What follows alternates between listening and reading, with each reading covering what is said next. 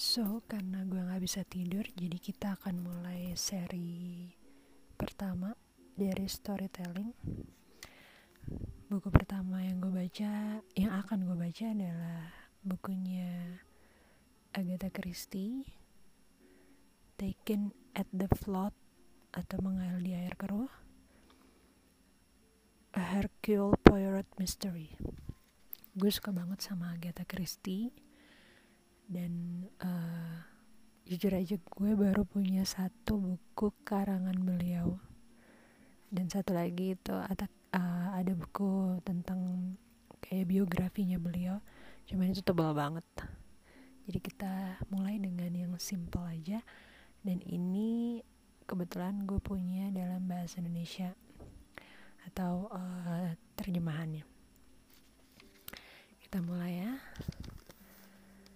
dalam hidup manusia, ada pasang dan ada surut.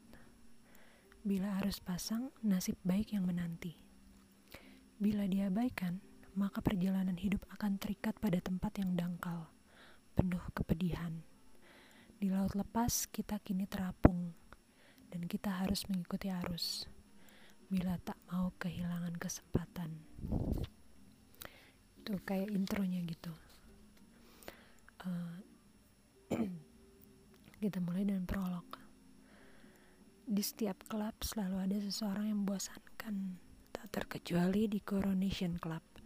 Dan adanya serangan udara tidak mengubah kegiatan sehari-hari di situ.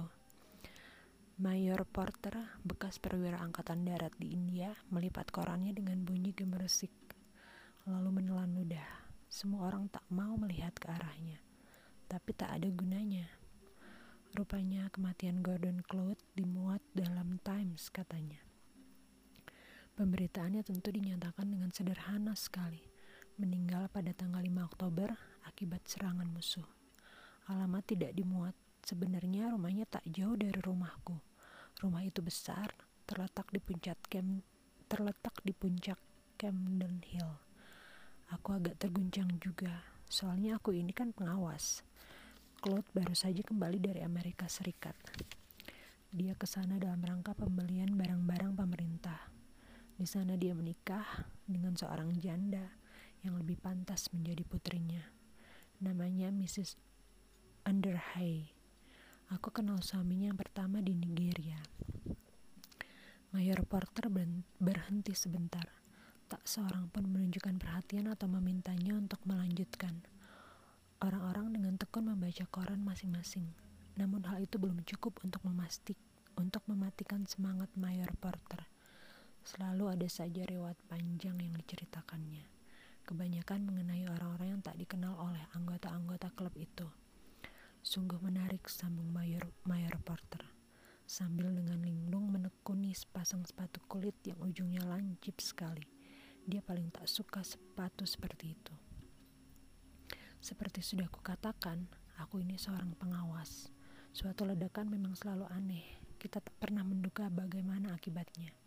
Waktu itu, gudang di bawah tanah runtuh dan atap rumah habis terenggut. Tapi lantai duanya sama sekali tak apa-apa. Ada enam orang di dalam rumah itu. Tiga orang pembantu, yaitu sepasang suami istri dan seorang pelayan. Gordon Cloud, istrinya, dan abang istrinya. Mereka semua berada di gudang bawah tanah, kecuali abang istrinya. Dia bekas anggota pasukan komando. Dia lebih suka diam-diam di kamar tidurnya sendiri yang nyaman, di lantai dua. Dan justru dia yang lolos. Dia hanya lecet-lecet saja. Ketiga orang pembantu itu tewas akibat ledakan itu. Gordon Cloud terkubur. Orang berhasil mengeluarkannya, tapi dia meninggal dalam perjalanan ke rumah sakit. Istrinya menderita akibat akibat ledakan itu. Pakaiannya robek-robek, tapi dia masih hidup. Kata orang, dia akan pulih kembali. Dia akan menjadi janda yang kaya raya. Kekayaan Gordon Cloud nilainya lebih dari satu juta pound sterling. Mayor Porter berhenti lagi. Matanya beralih dari sepatu kulit itu ke celana yang bahannya bergaris-garis, ke yang berwarna hitam, ke kepala yang berbentuk telur dan kumis yang besar sekali. Pasti dia orang asing, sebab itu dia memakai sepatu seperti itu. Apa-apaan klub ini, pikir Mayor Porter. Sampai-sampai di sini pun ada orang asing. Dia sempat berpikiran begitu sementara dia berkisah. Mayor Porter sama sekali tidak menyadari bahwa orang asing itu menaruh perhatian penuh kepadanya. Wanita itu pasti berumur tak lebih dari 25 tahun lanjutnya, dan dia sudah dua kali menjanda, atau begitulah pikir wanita itu. Dia berhenti lagi, dengan harapan ada yang menunjukkan rasa ingin tahunya atau memberikan komentar, meskipun kedua hal itu tak diperolehnya. Dia tetap melanjutkan. Sebenarnya aku punya pendapat sendiri mengenai hal itu. Peristiwa itu sungguh aneh. Sudah kukatakan aku mengenal suaminya yang pertama yang bernama Underhay. Dia orang baik, pernah menjadi kepala daerah di Nigeria. Semangat kerjanya sangat tinggi. Dia memang orang hebat. Dia mengawini gadis itu di Cape Town. Dia berada di sana bersama suatu kelompok kesenian yang sedang mengadakan tur. Dia cantik, tapi nasibnya malang dan dia tak berdaya. Dia mendengarkan Underhay berkisah berkepanjangan tentang luas tentang daerah kekuasaannya dan daerah-daerah yang besar, luas dan lapang dan dia mendesah. Alangkah indahnya dan berkata bahwa dia ingin sekali pergi meninggalkan segala-galanya. Lalu mereka menikah dan gadis itu pun meninggalkan segala-galanya. Underhay sangat mencintainya Kasihan dia karena, karena gadis itu sejak semula sama sekali tak tergerak hatinya. Dia benci pada hutan-hutan di sana, takut sekali pada orang pribumi dan merasa amat bosan.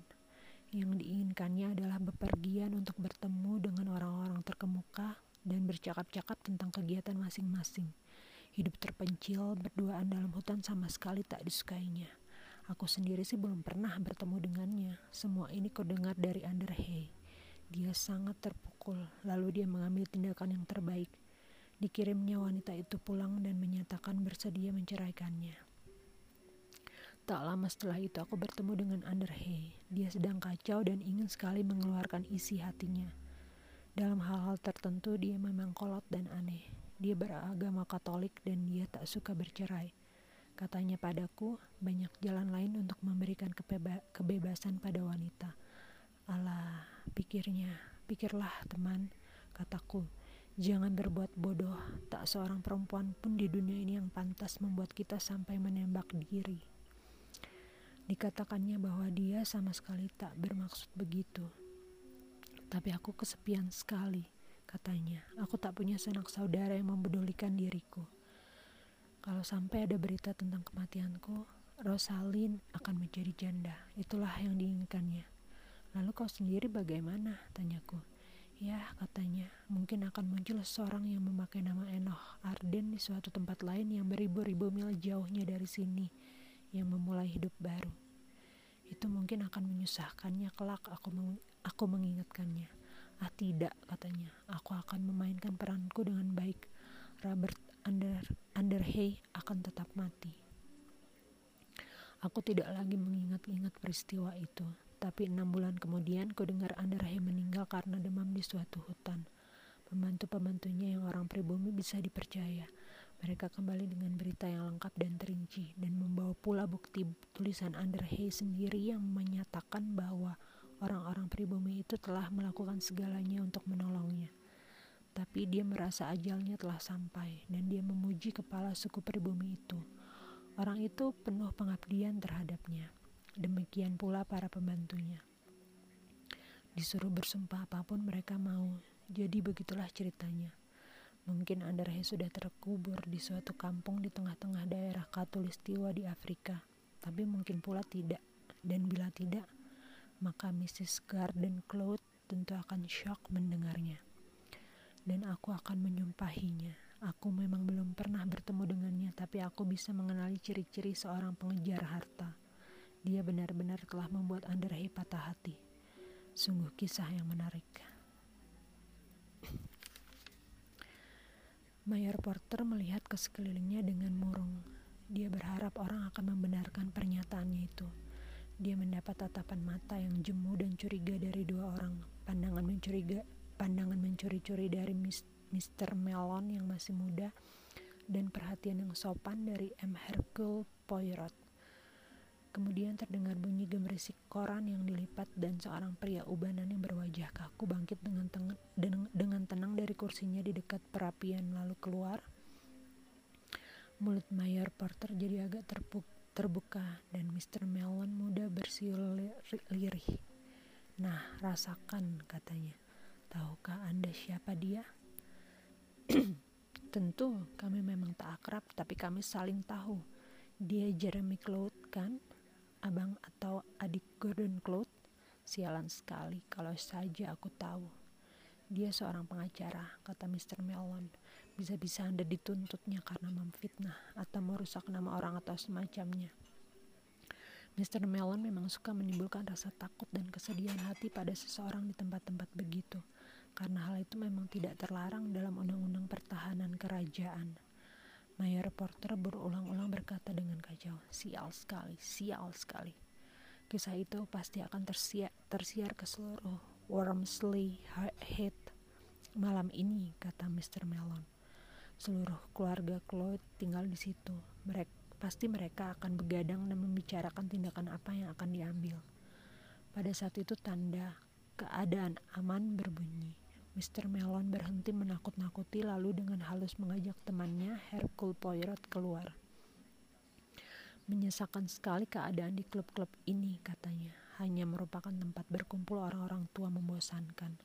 Tapi Porter memang benar-benar yang paling membosankan. Dia memerlukan waktu 3 per 4 jam untuk menjelaskan kecekatan orang India main tali, dan dia kenal pada semua orang yang ibunya pernah lewat di Pune. Peristiwa di atas terjadi dalam musim gugur tahun 1944. Di akhir musim semi tahun 1946, Hercule Poirot mendapat kunjungan seorang tamu. Nah, itu part satunya dari prolog. Nanti lanjut part 2-nya. Nanti lagi ya. Oke. Okay. Uh, I hope you all enjoy it. Thank you for listening.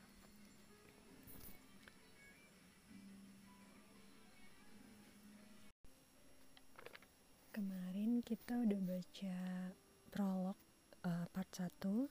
Sekarang kita akan baca prolog part 2 dari novel Agatha Christie Taken at the Float atau Mengayal di Air Keruh uh, A Hercule Poirot Mystery.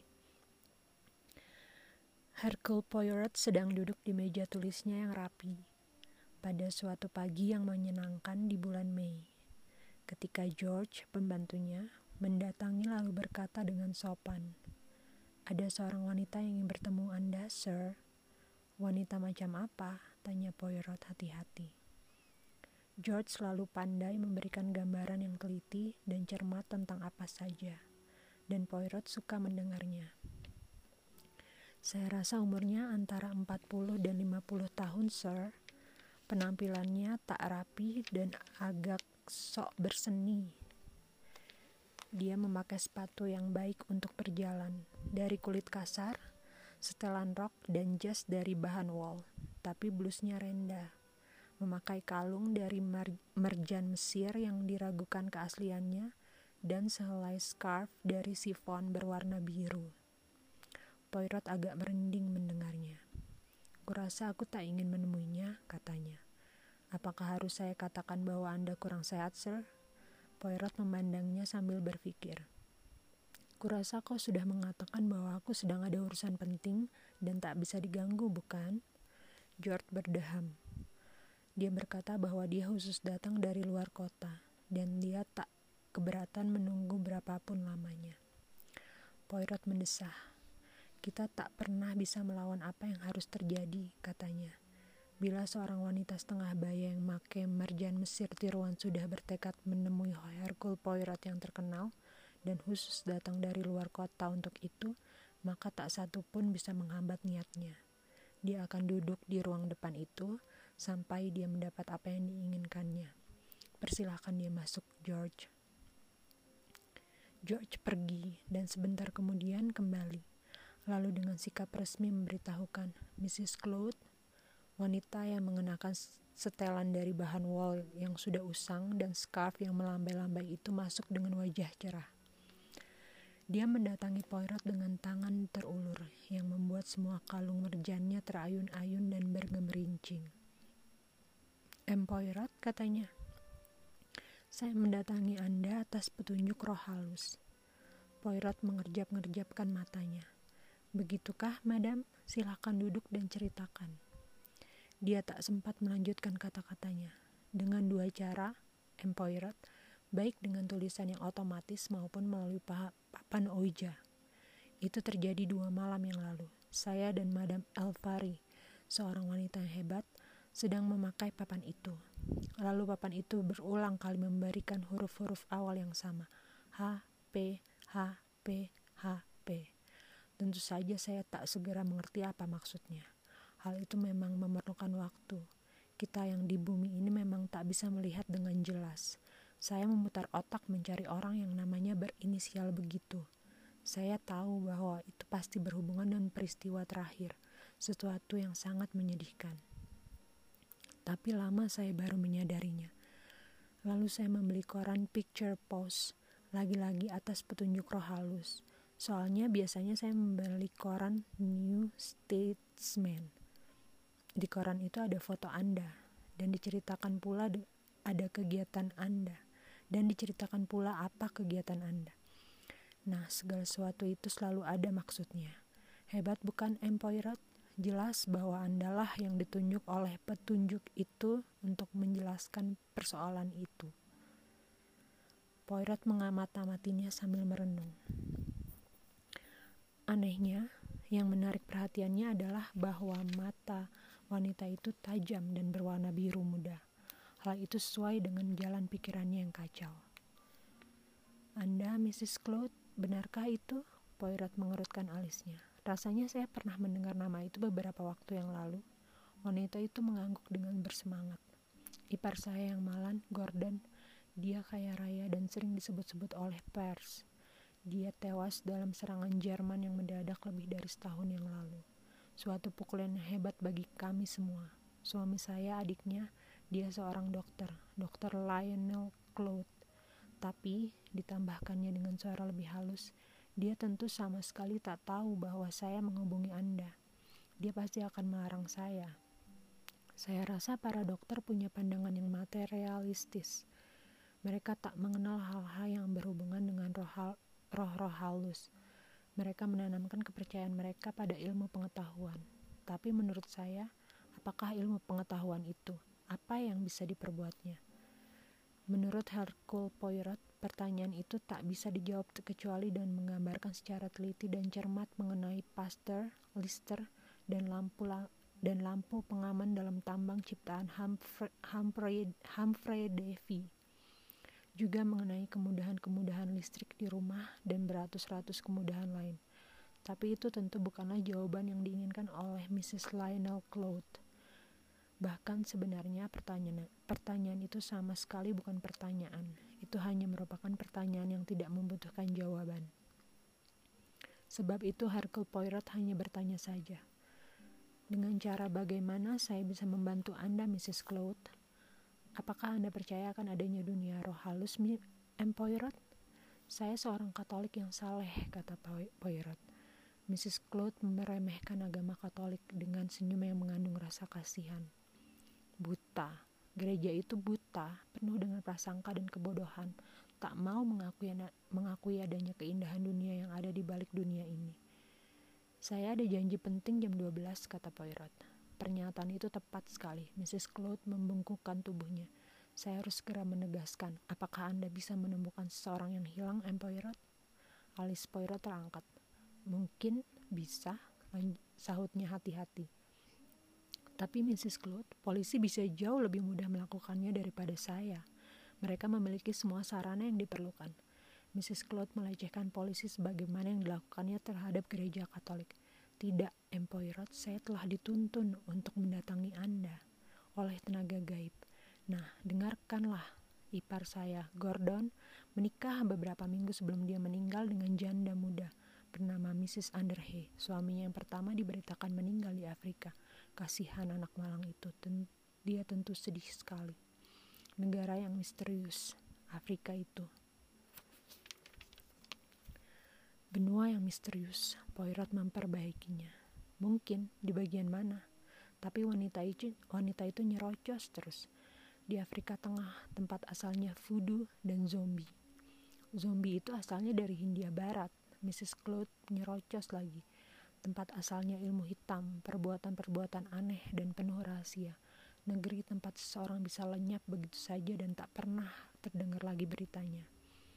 Mungkin, mungkin, kata Poirot, tapi Piccadilly Circus pun begitu juga. Mrs. Claude tak mau mendengar tentang Piccadilly Circus. Baru-baru ini, Empoirot dua kali muncul hubungan melalui roh yang menambahkan dirinya Robert. Setiap kali pesannya selalu sama, tidak mati, kami heran, soalnya kami tidak mengenal orang yang bernama Robert.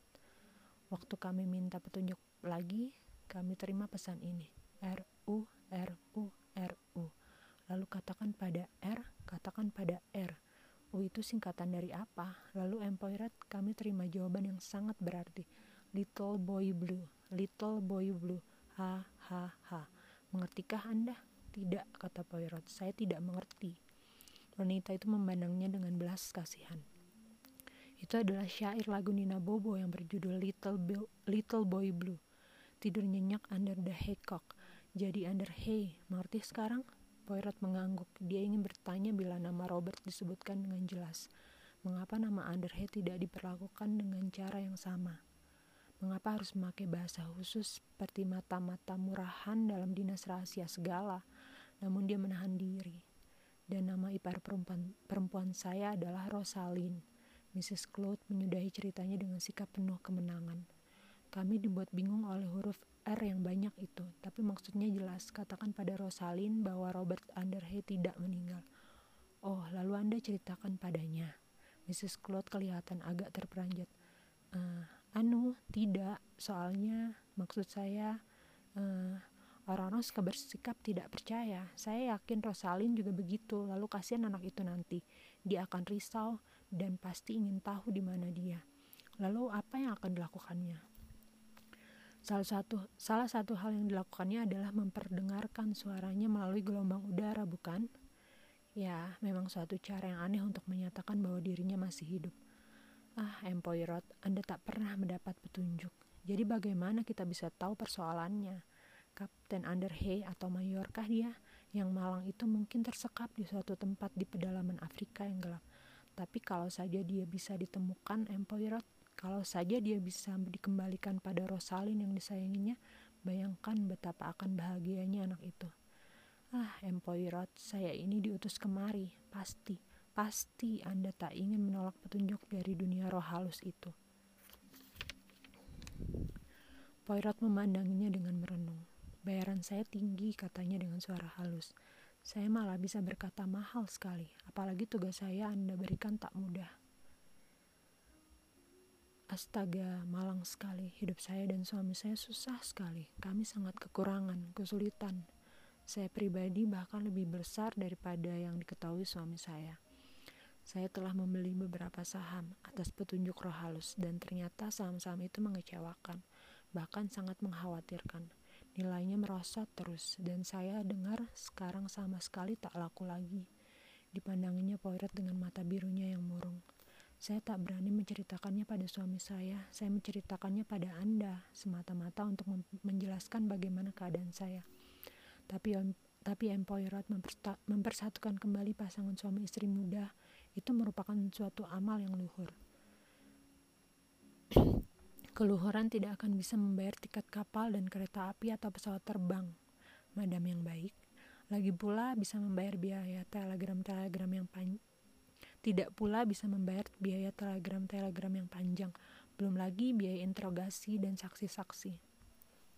Tapi bila dia ditemukan, bila Kapten Underhay ditemukan dalam keadaan hidup dan sehat, maka maka saya rasa saya bisa berkata dengan yakin bahwa bila hal itu sudah dilaksanakan, maka maka tidak akan ada lagi kesulitan untuk mm, membayar Anda.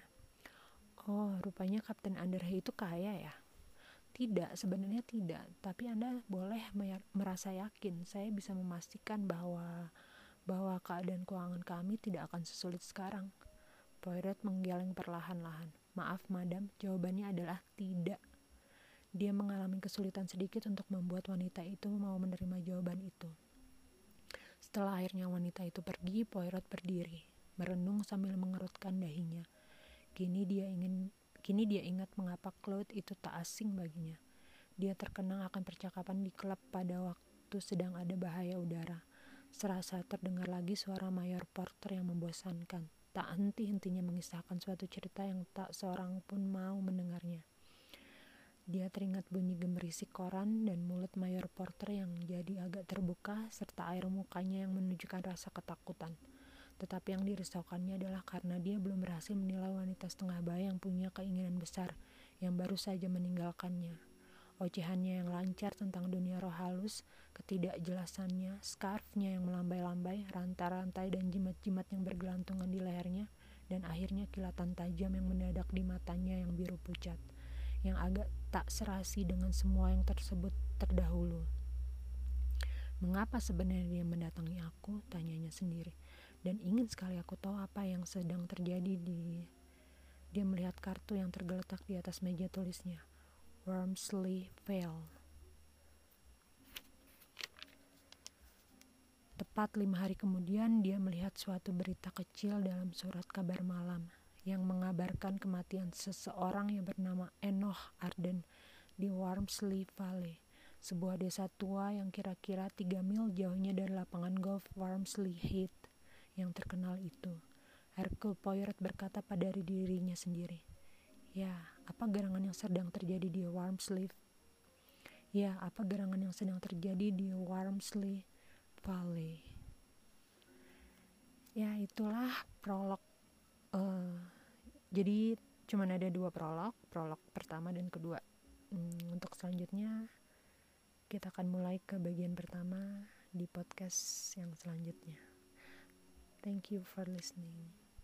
I hope you all enjoy it.